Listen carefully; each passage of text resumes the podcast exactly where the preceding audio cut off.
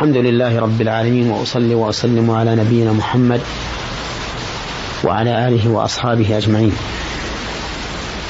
أما بعد فقد سبق لنا الكلام على ما تيسر من فوائد سورة الفاتحة. ونبدأ الآن بالكلام على ما تيسر من سورة البقرة. فنبدأ اولا بأول آياتها. وهي ألف لام ميم. الله لا إله إلا هو. ألف لام ميم ذلك الكتاب لا ريب فيه. هدى للمتقين الذين يؤمنون بالغيب ويقيمون الصلاة إلى آخره. في هذه الآية في هذه الآيات يقول الله عز وجل ذلك الكتاب وهو القرآن الكريم. وأشار الله سبحانه وتعالى إليه إشارة البعيد لعلو مرتبته وعظيم منزلته فإنه كلام الله عز وجل الذي أنزله على رسوله محمد صلى الله عليه وسلم وقد وصفه الله تعالى في القرآن بأوصاف عظيمة بالغة. وسماه الله تعالى كتابا لأنه مكتوب في اللوح المحفوظ ومكتوب في الصحف التي بأيدي الملائكة ومكتوب في الصحف التي بأيدينا. وقوله لا ريب فيه أي ليس فيه ليس فيه ريب وشك في أنه حق نازل من عند الله. وفي قوله هدى للمتقين أي الذين اتقوا عذاب الله عز وجل بفعل أوامره واجتناب نواهيه. وقوله الذين يؤمنون بالغيب أي يؤمنون بما غاب عنهم لإخبار الله تعالى به ورسوله. ويقيمون الصلاة يأتون بها قائمة مستقيمة على وفق الشريعة. وينفقون مما رزقهم الله من الزكوات الواجبة والصدقات المستحبة والنفقات اللازمة. والذين يؤمنون بما أنزل إليك وما أنزل من قبلك من الكتب المنزلة على الرسل مثل التوراة والإنجيل والزبور. وبالآخرة يوقنون إيقانا كاملا لا مرية فيه. أولئك على هدى من ربهم أي على صراط مستقيم وعلم نافع وأولئك هم المهتدون الذين اهتدوا بهداية الله عز وجل واتبعوا ما أنزل الله. في هذه الآية في بل في هذه الآيات إشارة إلى الصنف الأول والأعلى من أصناف بني آدم نحو هذا الكتاب العزيز. فإن الناس انقسموا في هذا الكتاب العزيز إلى ثلاثة أقسام. قسم آمنوا به ظاهرا وباطنا وقسم آمنوا به ظاهرا وكفروا به باطنا وقسم كفروا به ظاهرا وباطنا. فبدأ الله تعالى بالذين آمنوا به ظاهرا وباطنا ثم ثنى بالذين كفروا به باطنا وظاهرا ثم ثلث بالذين آمنوا به ظاهرا وكفروا به باطنا. وهذا التقسيم من أحسن التقاسيم وأجمعها وأوضحها. فبدأ بالأعلى ثم بما يقابله تماما ثم بما هو لا إلى هؤلاء ولا إلى هؤلاء وأخر الكلام عليهم لطوله ولبيان أوصافهم حتى يحترز منهم. ففي قوله تعالى ألف لام ميم إشارة إلى أن هذا القرآن العظيم الذي أعجز أمراء الفصاحة. ومن هم الغاية في البلاغة؟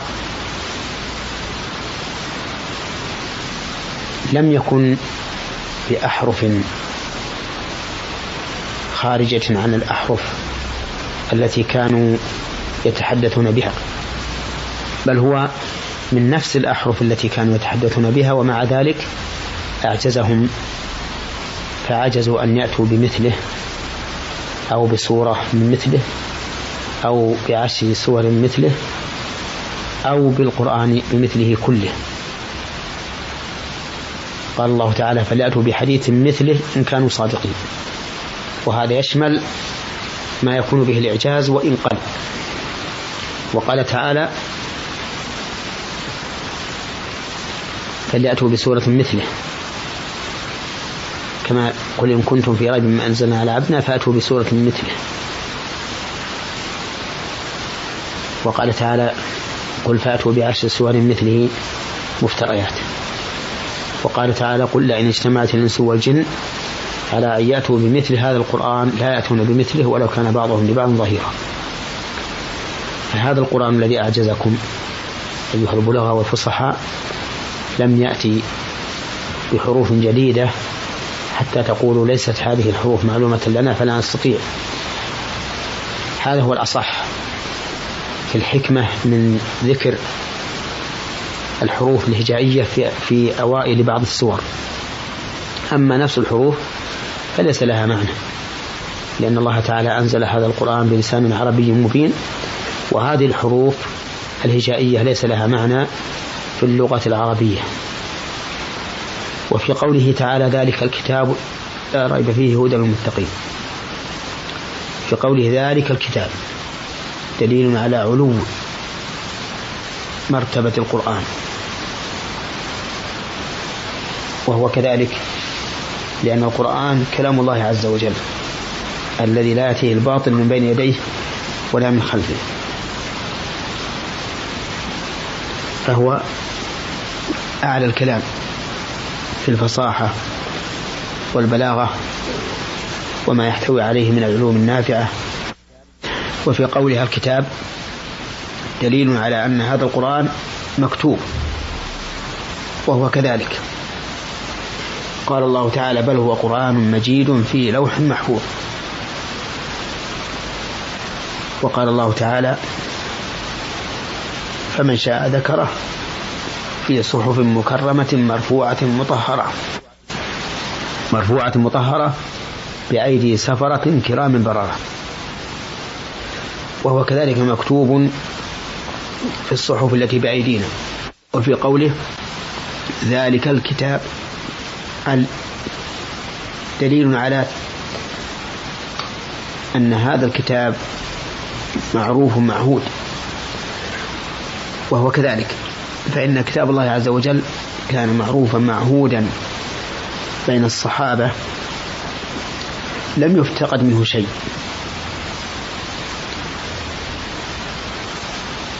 وقد ذكر أهل العلم أن من أنكر حرفا واحدا اتفق القراء على إثباته فهو كافر. وأما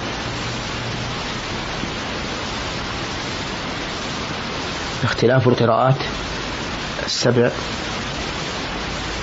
فإن هذا مما جاءت مما ثبت عن النبي عليه الصلاة والسلام. لأن هذه القراءات السبع كلها حق تجوز القراءة فيها. وفي قوله تعالى هدى للمتقين. دليل على أن الاهتداء بالقرآن مربوط بالتقوى. فكلما كان الإنسان أتقى لله كان أهدى بكتاب الله. وفيها وفي قوله هدى المتقين دليل على أن المتقي لا لا يهدى بالقرآن. وهو كذلك. ولهذا قال الله عز وجل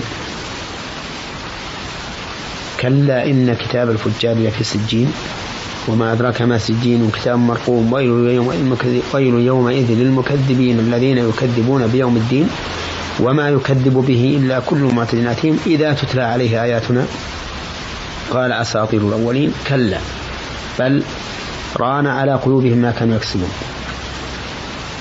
فأخبر الله أن هذا الرجل إذا تتلى عليه آيات الله لم ينتفع بها ولم تصل إلى قلبه ولم يرى لها شأنا عظيما بل يقول هذه أساطير الأولين.